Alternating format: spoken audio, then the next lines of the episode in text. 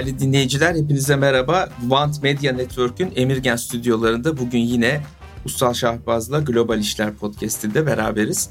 Bazı günler oldu biliyorsunuz konuklarımız gelemedi. Bugün başka bir ilginç durum yaşıyoruz. İki konuğum aynı anda geldi. O yüzden ikisiyle beraber program yapacağız. Çok da güzel olacak. Sevgili Cem Adıyaman daha önce de misafir etmiştik. Cem'le biraz medya, dijital yayıncılık, yazarların e, Hollywood'daki grevi yayıncılığı nereye götürecek gibi konular üzerine konuşacağız. Can Selçuklu'yu de son zamanlarda televizyonlarda çok görüyorsunuz.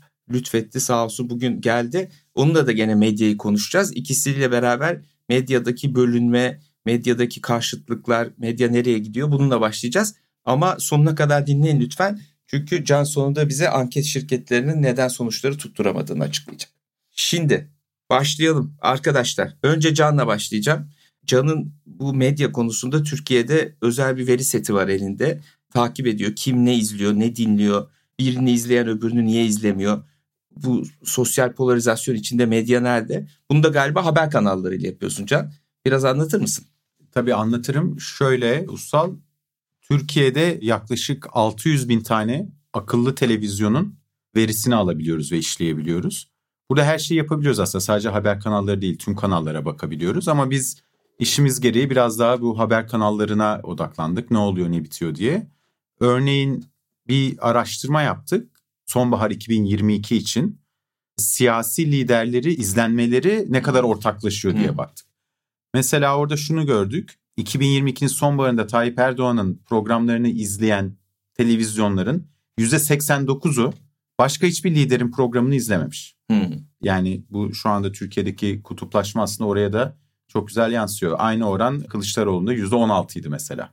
Yani Kılıçdaroğlu'nu izleyenler... izleyip başka kimseyi izlemeyenler. izlemeyenler. Yani Kılıçdaroğlu'nu izleyenlerin de %16'sı başka kimseyi yok.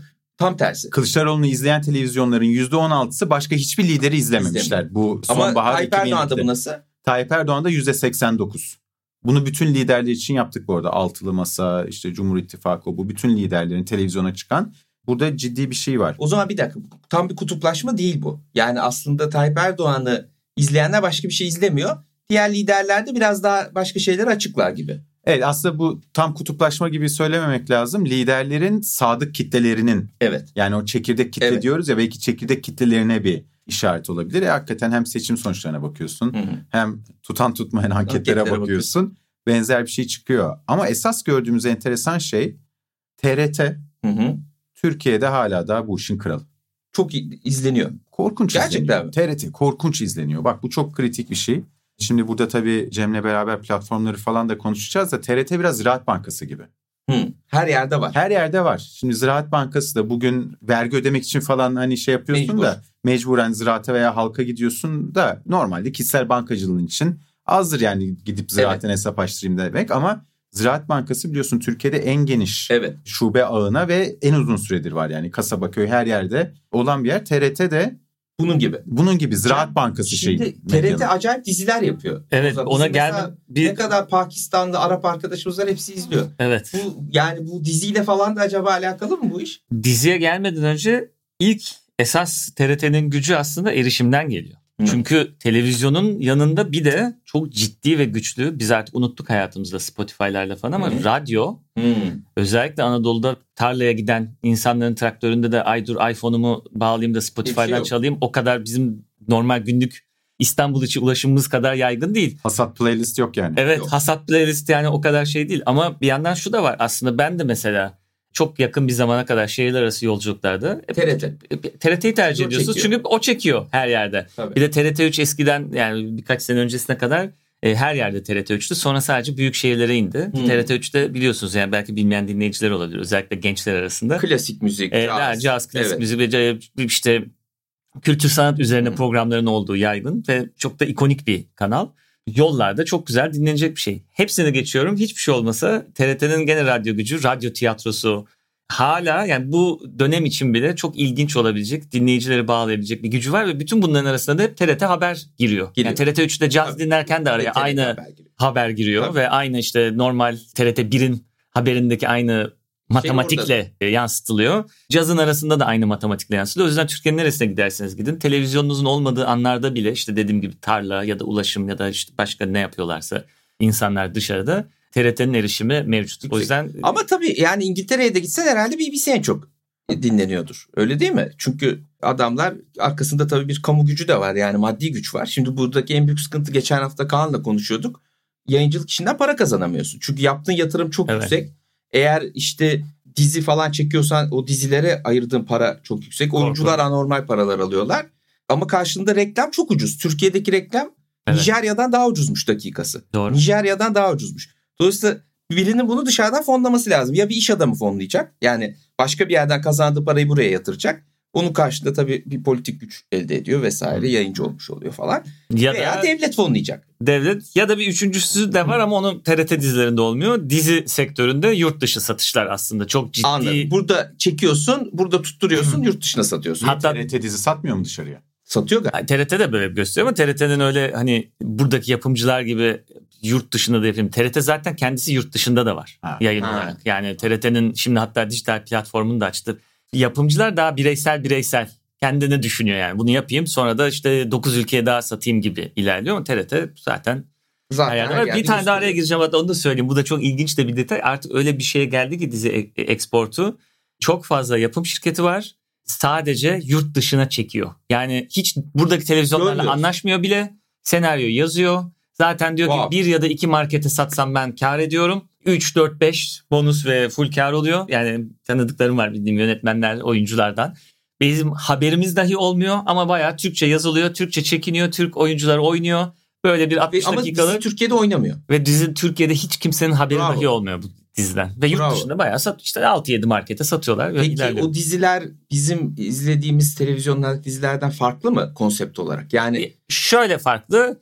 Bizim izlediğimiz dizilerde çok ciddi bir prodüksiyon gerekiyor. Yani Ha. o izleyiciyi tutabilmek için o evler, arabalar, insanlar yani hani Türk dizisi deyince herkesin önünde birkaç tabii yani Ha. bir takım görüntüler hep bir Evet, holding yalı, var. holding, yalı, evet. holding, araba bunlar Evet. olmazsa olması ya da A dizisi ise Evet, konak konak. işte Evet, insanlar evet. falan. Şimdi o dizi bir- minik daha Ha. küçük ölçekli oluyor ama var sonuçta izleyicisi. Çünkü Yunanistan'a da gitseniz, işte Latin Amerika'ya da gitseniz, İspanya'ya da gitseniz çok yakın buluyorlar. Ha. Hani aile değerimiz Doğru. işte hem de hiç o kadar da böyle bir Yozlaşmamış. yozlaşmamış. Yani hakikaten şey seviyorlar böyle. Hep çünkü bizde bir de hep o bir aile de var. Tabii Hani tabii. daha muhafazakar aile Tabii, var. Tabii, Daha hep Tabii. mülayim. tabii. Doğruyu Tabii. öğretiyor çocuğuna. Bu bana Tabii. enteresan gelmiyor. Neden? Türkiye'nin bir de bu ülkelere en çok sattığı şey ne biliyor musun? Ne? İzmirli olduğum için biliyorum. Gelinlik. Ha. Biliyorsun İzmir'de bir tane gelinlik Gelinlikçi var. cluster'ı var. Evet, doğru. O şeye Hı. gittiğin Evet. zaman Çankaya'ya Evet, gittiğiniz evet. zaman muazzam. Basmane masmane Basma ora, yani muazzam bir yer böyle. Sürreal bir yer böyle. Her yer Gelinlik, gelinlikçi. Gelinlik, gelinlik, kayınvalide kıyafetleri işte. Yani Şeyler. düğüne önem veren bir. Düğüne kültür. önem ver. Yani bence bu iki Hayır abi, düğün ihracat... o kadar önemli ki Hintliler artık düğünlerin Türkiye'de Hindistan'da da düğün çok önemli Ama bir şey. şey. bu iki ihracatımız bence aynı Örtüşüyor. şeyde, Doğru. aynı temada yani. Gerçekten öyle. Yani aile üzerinden, o yapı üzerinden ihraç ettiğin diziyle İzmir'de sattığın gelinlik bence aynı. Evet. e, Aynı damardan parçası. Aynı damardan. Gidiyor. Yani globalleşen satıyorsun. dünyada hala böyle aile değerlerini muhafaza edebilen işte biraz orada bir ikilem yaşayan bir toplumun yarattığı çatışmaları dışarıya da satabiliyorsun. Güzel bence. Tabii. Yani Güzel. özellikle de ama tabii yurt güzel. dışında Ama da TRT dizilerinde pek bu yok galiba. TRT dizileri biraz daha şey işte Ertuğrul Gazi. E, e tabii. Orada Ama onun da müşterisi var.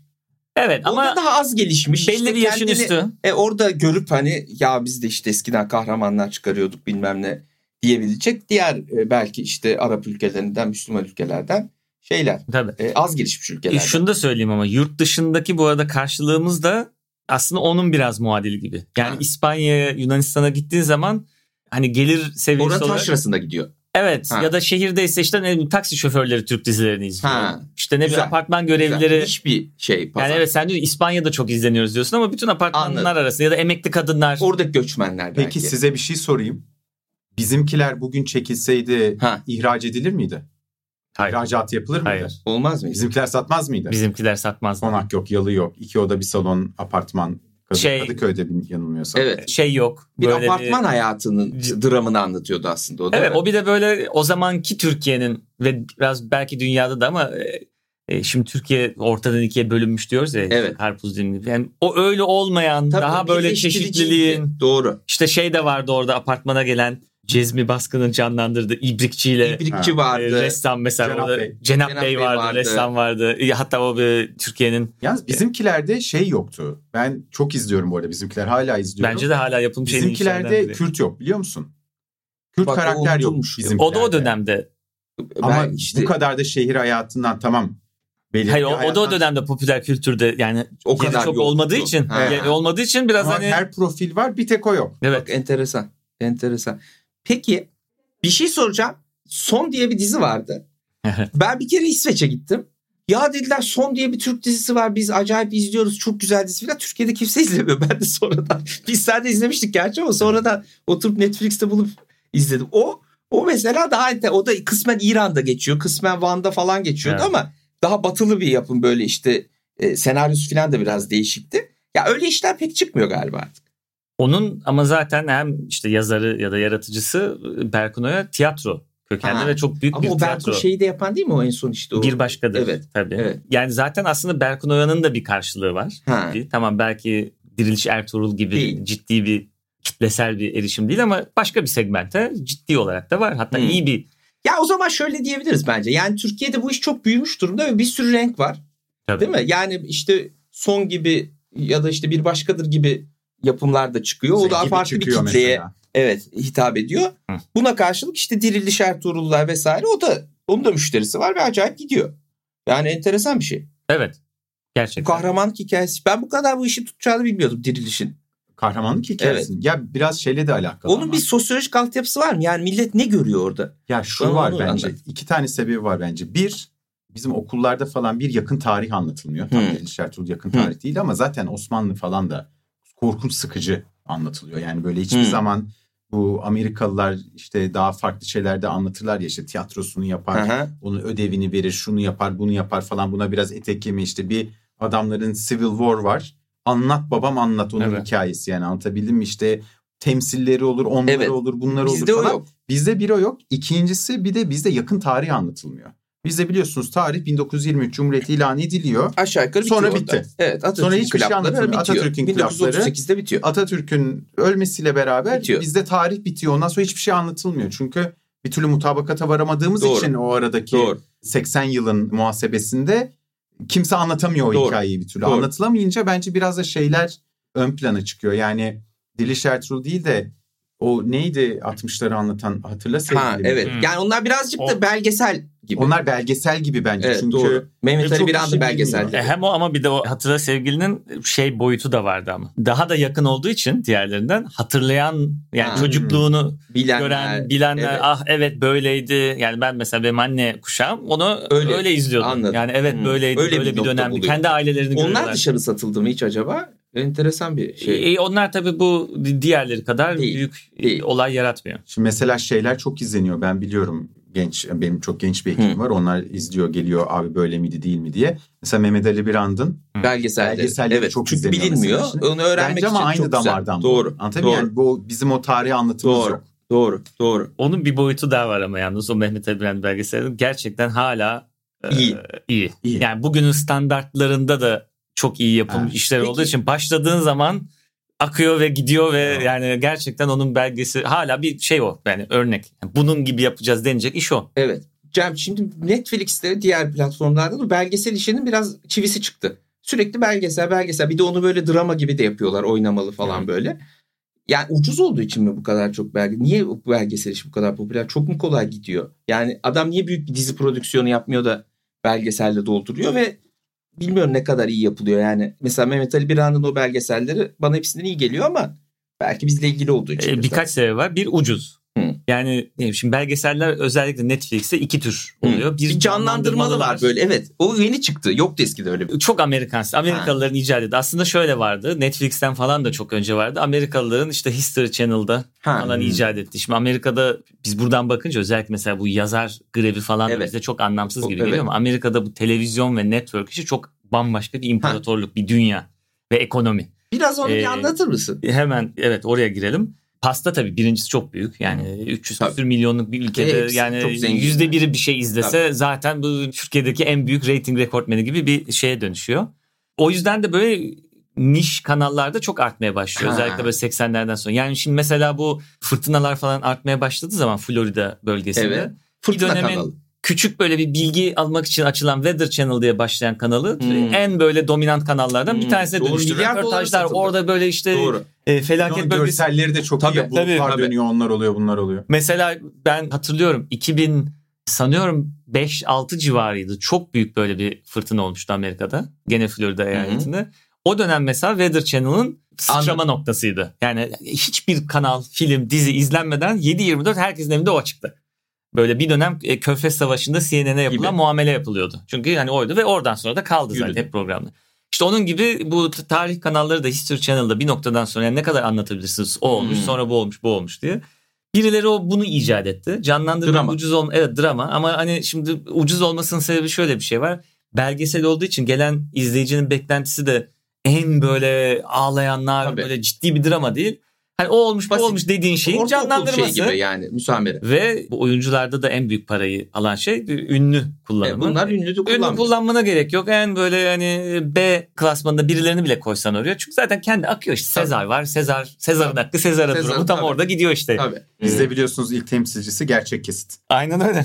Ha doğru ya. Evet doğru tabii. kesitleri. Bak adam o zaman da çağın Ee, ötesindeymiş. Gerçek kesit ve sonra da Reha Muhtar da alıp haber bültenlerine bayağı koydu onu. Yani haberleri verirken işte o olmuş Bağcılar'da böyle bir şey oldu belki hemen canlandırmalar. Medyası yani bu 90'larda 2000'de başta falan daha ileriydi ya. Çok. Şey olarak yani inovasyon olarak. İnova- Elin Aslında, ötesinde çok fazla deneme yapılıyormuş. Evet. Çok Belki fazla para da daha çoktur. Para da daha Para çoktu. Para çoktu. Bu Esas arada- mesele o. Bunun temeli ekonominin e, yani medya yakan ekonomi daha büyüktü o zaman. Tabii Şimdi ki. çok küçüldü. Zaten aslında Bir de sınırlar çok daraldı. Doğru. Yani çok denemeler falan yapamıyorsun. Yapamıyorsun. denemelerde çünkü Dövüyorlar. türlü başına iş geliyor. İş ondan geliyor. sonra al başına bela. Linç. Ve gerçekten ama yani ikisinin kesiştiği nokta bu işte yazar grevi, Ha, e, ya- onlar platformu o da buraya geliyor. Medyanın ciddi ekonomik olarak bu 90'lar işte 2000'lerin başı da öyle dahil. O zaman böyle ciddi işte şimdi Google neyse öyle Evet. diyeyim. O zaman networkler oydu. Yani Networkler, NBC'ler, entertainment. CNN'ler Çünkü bir de şey gücü de vardı. Kültürel kültürü güç, şekillendiriyor. kültürü şekillendirme Peki gücü de. şimdi bu yazar grevi niye oldu Amerika'da? Şimdi Netflix Netflix ve diğer platformlar diyelim. Tabii oraya dışarıdan para aktı. Yani onlar para kazanmıyordu ama yatırımcı parası aktı. Tabii. Hisseleri yükseldi. Bir sürü prodüksiyon yapmaya başladılar. Prodüksiyon yapmaya başlayınca tabii prodüksiyon yapanlar iyi para kazanmıyor. Çünkü onların onlar sınırlı sayıda değil mi? İyi oyuncu, Hı. iyi yazar vesaire. Ama sonra galiba o şöyle gitmedi. Şimdi grev yapıyorlar. Evet ama ilk başta da tam o kadar çok kazanmadılar ama şöyle bir en azından problem olmayacak bir durum vardı. Pastanın ana dilimi gene networklerdeydi. Hı. Öbür taraf daha emekleme ve başlangıçta olduğu Hı. için bu kadar rahatsız edecek ve dikkat edecek ya da bir tekelleşme gibi bir durum değildi. Yani net, network dediğimiz geleneksel kanallar. Geleneksel kanal. Ee, diğerleri dediğimiz Netflix, Evet. Disney, Amazon Prime gibi streaming yapan Tabii yani. Şimdi geleneksel kanallarla şimdi özellikle burada dinleyicilere gene anlatalım Amerika ile farkını. Şimdi burada mesela ne yapıyorsunuz? Bir dijital yayıncıya abone oluyorsunuz. Bir sürü böyle bir kanallar var. Şu var bu var ama hani ciddi anlamda böyle bir içerik film dahi izleseniz 3 aşağı 5 yukarı standart. Yani Evet. diyorsunuz ki film kanalı olsun olmasın işte maçlar olsun olmasın, Olmasın. gibi bir durum var. Doğru. Şimdi Amerika'da öyle değil. Amerika'da ciddi pahalı bir kablo yayını var. Evet. Reklamların olduğu normal bizdeki bildiği gibi. Ve buna ek olarak siz ciddi güzel de paralar vererek çok çok daha kaliteli işte mesela HBO, HBO. çok memnun olan işte Showtime gibi ciddi içerik üreticilerini de bundle'layabiliyorsunuz. Bunlar bizdeki o Ama e, ona ek para veriyorsun. tabii ona ek para veriyorsunuz. Ama bu totalde zaten kendisi ham hali bile ciddi bir parayken Evet. bugün işte o e, platformların çok çok üstünde. Bir de bu iyi yayını izlemek istiyorum diyorsanız ciddi ciddi bir aylık bütçenizden para Olması harcamanız lazım. gereken bir şey. O yüzden hani hep bir Amerika'da eski filmlerde de gözükür. Aa işte cable var falan diye çocuklar sevinir bir yere Evet. gittiği zaman ya da Ya ben böyle dün akşam bir tane Seinfeld bölümü izledim. Tam Cable Cable Boy bölümüydü. Ona denk geldim. Tam bunun üzerine geldim. Ee, yani Orada da Lüks. aa, Cable kaçak bağlatıyor. Lüks. tabii yani yani, lüks. ke- evet yani cable olması zaten lüksken bir de bu HBO'su Showtime'ı olması böyle hani oh çok fantastik bir HBO'da reklam yok mu peki? yok. Ha. HBO'da bayağı Yok, reklam. yok. Subscription. Böyle olduğu için başlarken çok ciddi bir paralar dönüyordu. E, böyle olunca da tabii bir de şu fark da var. Netflix ve bu tür diğer platformlarla geleneksel medyanın bölüm sayısı fazla. İşte Hmm. Dijital yayınlarda şimdi de dijital platformlarda 8-10 bölüm yapıp sezonu kapatıp Doğru. üstüne bir sene sonra bir tane daha yapıyor ve o yani ne yapıyor? Ne izlendi, ne yapıldı, başarılı mısınız, değil misiniz? Çok da yani yeni yeni bir şeyler açıklanmaya başladı ama ilk başta ek- ekstradan kapalı kutuydu. Ama normal televizyonda hem anlayabiliyorsunuz bu HBO'da bile bir de ikincisi lisanslama devam ediyor. Yani siz şimdi bir yazar olarak bir karakter yaratıyorsunuz. O bir şey oluyor ve sonra onlar mutlaka başka diğer kanallara da satılıyor, tekrar izleniyor, başka bir şey oluyor. satılıyor. Adaptasyonu yapılıyor. Mesela Adaptasyon alıyorsun o yapılıyor. senaryoyu Türk, Hmm. Türk kültürüne uydun gene ona para veriyorsun. Aynen öyle. Yani mesela işte fenomen olan dizi 80 listi. Hı. Yine bir HBO yapımıydı. HBO'nun içerisine aldı. Yazarlar bir işte sezon başına bir sürü onun üzerinde bölüm yazıyorlardı. Zaten onun maaşlı olarak o Writer's Room yazıyordu. Hı. Sonra bu şifreli olmayan hani HBO olmayan diğer TBS falan gibi kanallara da satıldı. Reklamlı olarak her akşam gösteriyor. Orada ciddi bir para aldı yazarlar lisanslama. Yurt dışına ben işte Sine 5'te gösteriliyordu. O Sine 5 Ha, satışından Oradan var. aldı. Şimdiki dijital platformlar o değil. Gittiniz Hmm. yazdınız ve bitti. Kimse Bitti. sizi arayıp sormuyor, şey yapmıyor. Ya belki hani uyarlanırsa aa bir Yani böyle Yok. sürekli bir gelir akışı Değil. yaratmıyor. O yüzden e, adamlar tabii hoşnutsuz oldu bundan. E, bu Ve greve gittiler. aynen öyle. Bu en önemli. Bir de e, ama orada şöyle tanesi. istekleri varmış. Diyor ki e, bir kanun ya da işte neyse anlaşma yapılsın. Biz bundan sonra dizileri sadece insanlara yazdıracağız diye. Yani orada GPT-3'ün dizi işine gireceğinden de korkuyorlar. Şöyle galiba. yani girecekler tam öyle onlara insanlara yazdıracağız değil ama orada şöyle aslında güzel bir tartışma var. Şimdi stüdyolar şunu yapabilir ki yapmaya başlıyorlar da çok da basit olarak. Gidip o GPT bana işte 80 listi gibi bir dizi yaz. Yaz. E Şimdi burada zaten bunun bir yaratıcısı var. Üstüne verilmiş bir emek Ha. var. Siz yani çok gri bir alan. Hani Evet. Çalıyor musunuz? Zaten isim? zaten En gri alan bu. Yani GPT-3'ün ya da işte dil modellerinin kullandığı veriler, Evet. e, metinler sonuçta birileri tarafından yazılmış. Şimdi ona bakarak yeni bir şey yaratınca bu adamın burada bir fikri hakkı var mı yok mu? Ama Evet. o sadece GPT Resimde için de var. geçerli değil. Yok. Ben de aldım okudum Tabii. 80 listinin senaryosunu. Belirli temaları belirledim. Bu temalar üzerinden Ya 80'de zaten şimdi roman yani, da aynı yazarken mesele. önceki Şöyle, konulardan şey yapıyorsun. Hayır, ama Bunun şöyle- sınırı çok zor bunu çizmek. Evet ama şöyle araya gireceğim. İşte mesela esinlendin ama zaten orada işte telif hakları yasası giriyor. Eğer gerçekten çok esinlendiysen mahkemeye veriyorlar Ödüyorsun. seni. Benden Ama çalmışlar az diyorlar. esinlendiysen Ama hani böyle bu bir esindirse zaten aslında normalden öyle yapılır. Yani herkes hani alır. Aa de dersin tabii 80 şimdi- listi gibi ama Los Angeles'ta neydi geçiyor bizim ama. sevdiğimiz dizinin adı neydi? Monte Cristo Kontu'ndan esinlenen. Ee, Ezel. Ezel. Bazı eserler de tabii şey Uyarlama. telifi bitmiş oluyor. O telifi bitmiş ha Monte Tabii. Cristo Kontu'nun artık telif falan yok. Adam ta ne zaman yazmış yani. O insanların ortak mirası Tabii. ama onun bir sınırı işte çok zor o sınırları. ama çizmek. oradaki yani esas tartışma GPT değil bence. O sınırın nasıl neresi oldu? neresi Aynen olacak? öyle. Yani Aynen öyle. GPT Şeyler biraz daha tabii yazarlar kendi haklarını korumak Evet, istiyor. yazar diyor ki benim Ben yazmışım abi diyor paramı verin. Evet. e, bu bu bir lisanslama Hmm, gibidir. Ben bunun böyle diyor. olduğunu bilmiyordum. Tabii, ağırlıklı Ha, olarak güzel. oradaki tartışma o. Okey. Yani bizim habire eski yaptığımız işleri Bu Avrupa alıp Birliği'nde de tartışılıyor şu Tabii. anda. Bu çok önemli bir Bu arada tartışma. bu platformlar Türkiye gibi ülkelerin çok işine geliyor bana soracak. Çok ucuz çünkü. Ya hem ucuz hem de ya şunu biz kaçırıyoruz sürekli. Her tartışmada var aslında bu. Şimdi Türkiye tam güçlü büyük ülke de sonuç itibariyle 85 milyon nüfusu olan 8 milyar Yani yüzde biri. gayri safi yurt içi hastası olan bir yer. Yani böyle networklere çok ihtiyacı var. Böyle platformlara çok Tabii ihtiyacı buraya var. çıkmadan abi hiçbir şey yapamıyorsun. Olmuyor. Biz 3-4 sene önce bir araştırma yaptık Hı. Netflix'e. 7 ülkede 8 ülkede 7 bin kişiyle anket yaptık.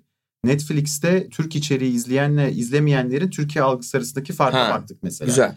Türkiye içeriği izleyenlerin Türkiye'yi ziyaret etme ihtimalinin çok daha yüksek olduğunu, çok daha Hmm. yükseldiğini, bir takım klişeleri Türkiye ile ilgili çok daha rahat aştıklarını gördük mesela. Hmm. Dolayısıyla Hmm. Türkiye'nin yani Netflix, Amazon diğer bütün bu Türkiye içeriğini yurt dışına yayma potansiyeli olan platformlar aslında Türkiye gibi e, ölçek sorunu yaşayan ülkeler için Doğru. çok kıymetli. Doğru. Bunu biz bayağı da kuantifiye ettik yani orada gözüküyor. Ama bu aslında zaten bizim için de öyle yani. Hani mesela tatil planı falan yaparken Hmm.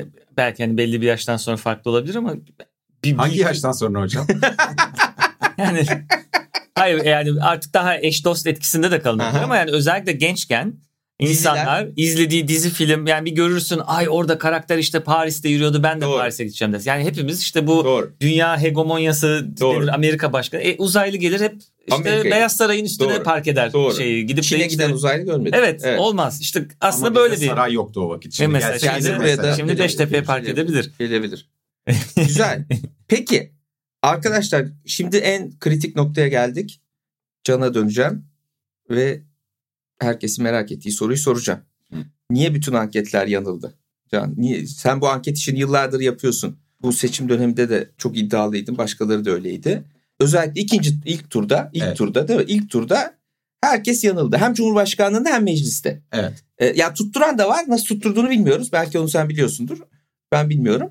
Zaten bu arada şöyle bir şey var. Yani şimdi oyları zaten bakınca 45 ile 55 arasında olacaktı iki partinin de değil tabii, mi? tabii. Dolayısıyla bu arada bir tahmin yaparsan yani 45, 46, 47 hepsi %10 şansı var. Yani Tabii. random bir şey söyleyebilirsin. Zaten %10.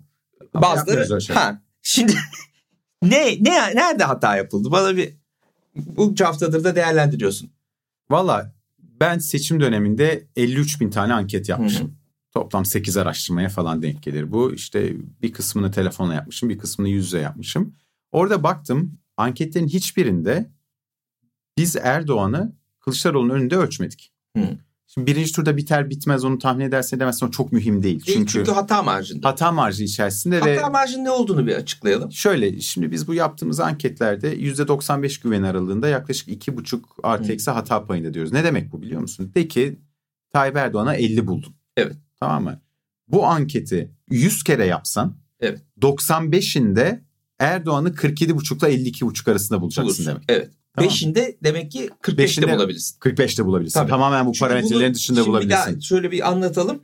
Biz aslında 60 küsür milyon seçmenin oyunu sen tahmin ediyorsun. Evet. Bunu 2000 kişiye mi ne sorarak tahmin ediyorsun. Dolayısıyla sen o uzaya bir genelleme yapıyorsun ve bu genelleme istatistiksel olarak tabii ki tam nokta atışı olmuyor.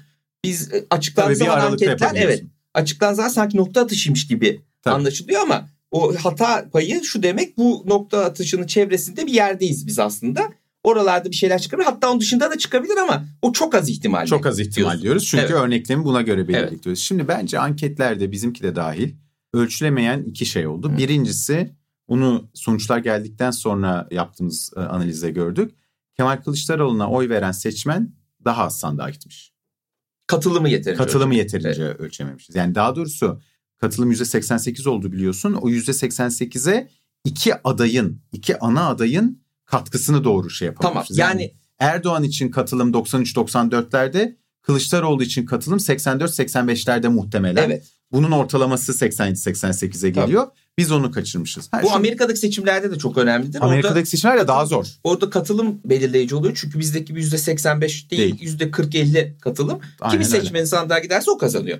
Bizde geleneksel olarak bu biraz daha homojen dağılmıştır. Demek Evet. ki bu seçimde bu homojenlik bozulmuş. Bozulmuş. Ve Şimdi anketçiler bunu yakalayamamış. yakalayamadık. Şimdi Amerika'dakiler ne yapıyor ama panel araştırmalar yapıyor. Hı. Yani diyor ki e, seçimden önce Ussal'la Cem'le konuşuyor. Seçimden sonra Ussal'la Cem'le bir daha konuşuyor. Hı. Ve bir müddet sonra şu profili oluşturuyor. Diyor ki işte beyaz 40-45 yaş arasında şu gelir grubunda bunun sandığa gitme olasılığı Şudur. şudur diyor. Dolayısıyla senin cevabını bundan sonra senin profilinde biri ankete cevap verdiğinde bunun gerçekleşmesine bir olasılık yükleyebiliyor. Tamam. Dolayısıyla stokastik bir model ortaya çıkıyor. Sen niye bunu yapamıyorsun? Paran yok. Param yok. Tamam. Çünkü Türkiye'de bir kere şunu söyleyeyim artık bilmiyorum anket sektörüne en azından siyasi anket sektörüne güven kalır mı ama bu işin tekrar güven ve saygınlık kazanabilmesi için Para lazım. para lazım. Para yani lazım. bu bu paralara bu işler yapılamaz. Yani şimdi değerli dinleyicilerimiz çok önemli bir şey. E, İki programdır bu tema bence bu programda da iki kere ortaya çıktı. Türkiye'deki temel sıkıntı birçok alanda yani habercilikte medyada da böyle para yok. E, reklam veren para vermiyor. Adam Nijerya'dan daha ucuza reklam veriyor. Sonra iyi yayın olsun, iyi haber olsun. Olmuyor. E abi ankete para vermiyor. Adam diyor ki bana diyor anket yap 10 bin lira vereyim, 20 bin lira vereyim. Zaten öyle bir anket yapmak mümkün değil. Yani anketi yapıyorsun e, dürüst bir şekilde ama anketin daha hassas doğru sonuçlar vermesi için gerekli örneklemi oluşturacak derinliğe ulaşamıyorsun. Profiller oluşturamıyorsun. İşte İstanbul'da oturan 30 yaşın altındaki bilmem ne falan bunu yapamıyorsun. İşte örneğin şu olması lazım. Şimdi bir dahaki seçim herhalde 2028'de değil mi? Hı hı. Genel seçim arada beklemediğimiz bir şey olması. Şimdi muhtemelen bir siyasi partinin veya bir siyasi hareketin eğer oraya hazırlanmak istiyorsa şimdiden bana veya bir başka araştırma lazım. şirketine gelip şunu demesi lazım. Kardeşim profillerin panelini oluşturmaya başla. Evet. Ben bu dalgalanmaları görmek istiyorum. Bir daha böyle bir şeyin içine düşmek Beni sokma. Beni sokma Peki düşmek bir, istemiyorum. bir katılım dedin. İki yanılmanın nedeni olan Ha, ikincisi şu iki buçuk aslında öyle söyleyeyim. İkincisi birinci turda bir iddiada bulunmuyorum burada Hı hı. ama bakılması gereken bir şey var. Birinci turda sonuçlardaki matematiksel anomalilere bakmak lazım. Hı. Bunu söyleyeyim. Birinci turda muhalefet de bunu söyledi zaten. Sahip çıkılamayan Hı. Sandıklar. sandık sayısıyla ikinci turda sahip çıkılamayan sandık sayısına baktığında şöyle çok büyük bir fark var. Hı. Ve benim de şöyle bir sorum var o zaman. Benim birinci turdan önce aynı örneklemle, aynı metodla yaptığım anket niye bu kadar yanıldı da İkinci, ikinci turda tuttu. aynısını yaptığım şey nokta iki şey içerisinde hem Kılıçdaroğlu için hem Erdoğan için tuttu. Ama tabii burada şu da olabilir. Yani ilk turda daha çok karar değiştirmiş olabilir seçmenler. Katılım daha heterojen dağılmış olabilir. İkinci turda belki bunlar daha homojenleşmiştir.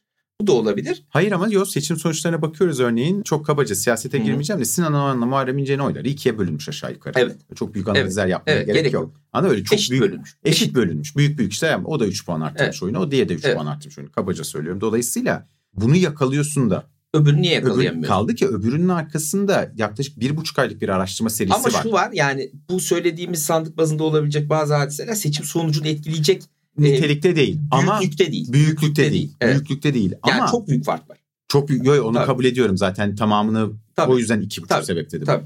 Tamamını buna bağlamak mümkün değil ama burada açıklanması gereken Bir bir şey, şey var. var. Buçuğa geleyim. Evet. Buçuk sebebine. O da milliyetçi muhafazakar eğilimin son anda duygusu olarak daha ağır basmış olması. Bunu da yakalayamadı. Bunu yakalayamadık. Niye yakalayamadın diye soracak olursan bunu yakalayabilmemiz için e, yakalayanları da tebrik edeyim nasıl yakaladılarsa hani bir şey demiyorum ama dediğim gibi bu profilleri Ya bu arada lazım. şunu yapan anketçiler televizyonda söylüyorlar yani. E, diyor ki "Ya ben diyor zaten Türk toplumunu çok iyi tanıyorum diyor.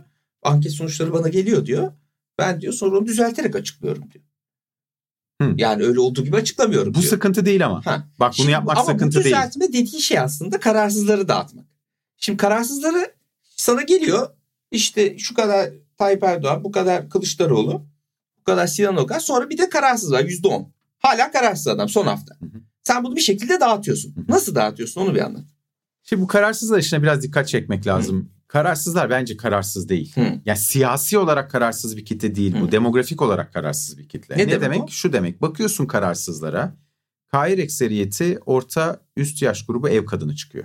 Allah Allah. Tamam mı? Dolayısıyla bu insanların siyasi olarak bir kararsızlık beyan etmiyorlar. Bu insanlar zaten hayatlarında da öyle sık sık görüş ifade eden insanlar Ha. değiller. Çünkü diğer cevaplarına bakıyorsun orada da zaten hep ortada cevaplar Ha. veriyorlar. Dolayısıyla Bilmiyorum diyor. bilmiyor diyor. İşte ne kadar önemli de senin için diyorsun. Ortada ne önemlidir ne önemsizdir cevabı var. Onu veriyor e, örneğin. Dolayısıyla kararsızlara bu kadar anlam yüklemek Ama nasıl dağıtıyorsun? O da gidiyor. Ha, ben şöyle ben şöyle dağıtıyorum. Ha. Yine diğer sorulara verdiği cevaplardan eğilimini anlamaya çalışıyorum. Anlıyorsun. Yani öyle eşit dağıtmıyorum. Ama kararsızlara Türkiye'de bence biraz anket şirketleri de o işi suistimal etti e, Ha. zamanında. İşte hep şu an başlık çıkar. Kararsızlar ikinci büyük parti. Değil. Ya değiller. Değil. Yani onu bir şekilde onun bir tercihi var. Var, var Ama tabii. o tercihi yakalayabilmek bir beceri. Tabii. Onun, onun için de belki o profillere ihtiyacı O- var. O yok elinde. O profillere e, ihtiyaç var. O da para işi. Kocası ne, ne oy verdi diye sorsan belki daha iyi bir. olabilir. belirleyici Kocası, olur. ailesi, çoluğu, Evet. çocuğu falan. Ama bak bunların hepsi yine o da yetmez. Hı. Daha sonra gidip bu insanlara odak gruplar yapacaksın. Hı. Bir takım eğilimleri Hmm. hesap edeceksin ve böyle profilleri oluşturacaksın. Yani şunu söyleyeyim.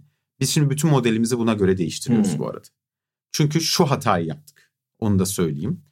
Tahmin yapma ve tutturmanın şehvetine kapıldık. Tabii herkes yapıyor bunu. Yapmamak lazım. Evet. Çünkü Tabii. ya bak ben 2019'un Eylül'ünden beri her ay Türkiye çapında 2000 kişilik anket yapıyorum. 100 bin üzerinde anket yapmışım o vakitten beri Türkiye raporuyla. Elimde çok daha kıymetli trendler var. Ama tahmin yapıp tutturma şehvetine ben de Doğru. kapıldım. Kaldı ki ikinci turda tutturdum. Kendi içinde insan şöyle hissediyor. Yani sanki birinci turda hiç yanılmamışsın gibi. Tabii. Bak tutturdum havasına giriyorsun. Esas muyum? marifet de birinci turdu yani. Şimdi. Esa- tabii canım esas marifet zaten birinci tur. Bak ben bunu şey olarak söylüyorum. Geçen gün bir yere gittim böyle bir derneğe. İşte yeni üyeler herkes kendini tanısın dediler. Ben şey diye tanıttım kendime. İşte kamu araştırmacısıyım. Son zamanlarda isabetli anket sonuçlarımdan beni tanıyabilirsiniz diye tanıttım. Yani sonuçta bunu kabul etmek lazım. Evet. Bir şey demiyorum ama ben insan doğasını yani bu işin içindeyken nasıl hissettiğini Yani tabii Anlatmak şimdi için söyledim. önemli bir şey değil mi? Herkes geleceği bilmek istiyor. Valla biz diyorum ki ya astrologlar tuttursaydı bu arada ben istihdam edecektim. Evet ama onlar da Olmadı. tutturamadı. Tutturamadılar. Onlar da tutturamadılar. Onlar üstelik ligi de bilemediler biliyorsun. Öyle mi? Tabii ligde de Ne şaştılar. dediler? Bir tanesi şey dedi hem Galatasaray'ın şampiyon olduğu hem Tayyip Erdoğan'ın kazandığı bir durum yok dediler. Ya şimdi astrologlarda ben şeyi çok seviyorum. Yani çok genel ifadeler kullanıyorlar. O kesin tutuyor bir yerinden. Tabii abi da öyle. adam 48.1 alacak diyoruz al başına Evet, belayı yani. seninki öyle değil. Doğru. Evet sevgili arkadaşlar, değerli dinleyiciler çok teşekkür ediyoruz. Çok ilginç bir sohbet oldu. Gerçekten böyle medya, kutuplaşma ve bunun seçim sonuçlarının etkileri hatta niye anket yapılamadığını etkileri ve ondan sonra da bu işin ekonomisini biraz konuşmuş olduk. Bir de Medyanın Medyanın astroloji. Ve biraz astro Medyanın gücü medyanın gücü var. ve Türk Türkiye'nin gücü tabii. Yani Türkiye'nin dizi sektöründe kültürel Evet. gücü dünyayı etkileyen bunları konuşmuş olduk. Çok teşekkür ediyorum değerli dinleyiciler. Önümüzdeki haftalarda yine birbirinden ilginç konu ve konuklarla beraber olacağız. Bu konuları eğer beğeniyorsanız benim e-posta bültenime de abone olabilirsiniz. Her perşembe sabahı e-posta kutunuza geliyor. www.globalisler.com www.globalisler.com Bu adresten abone olabilirsiniz. Çok teşekkürler. İyi günler.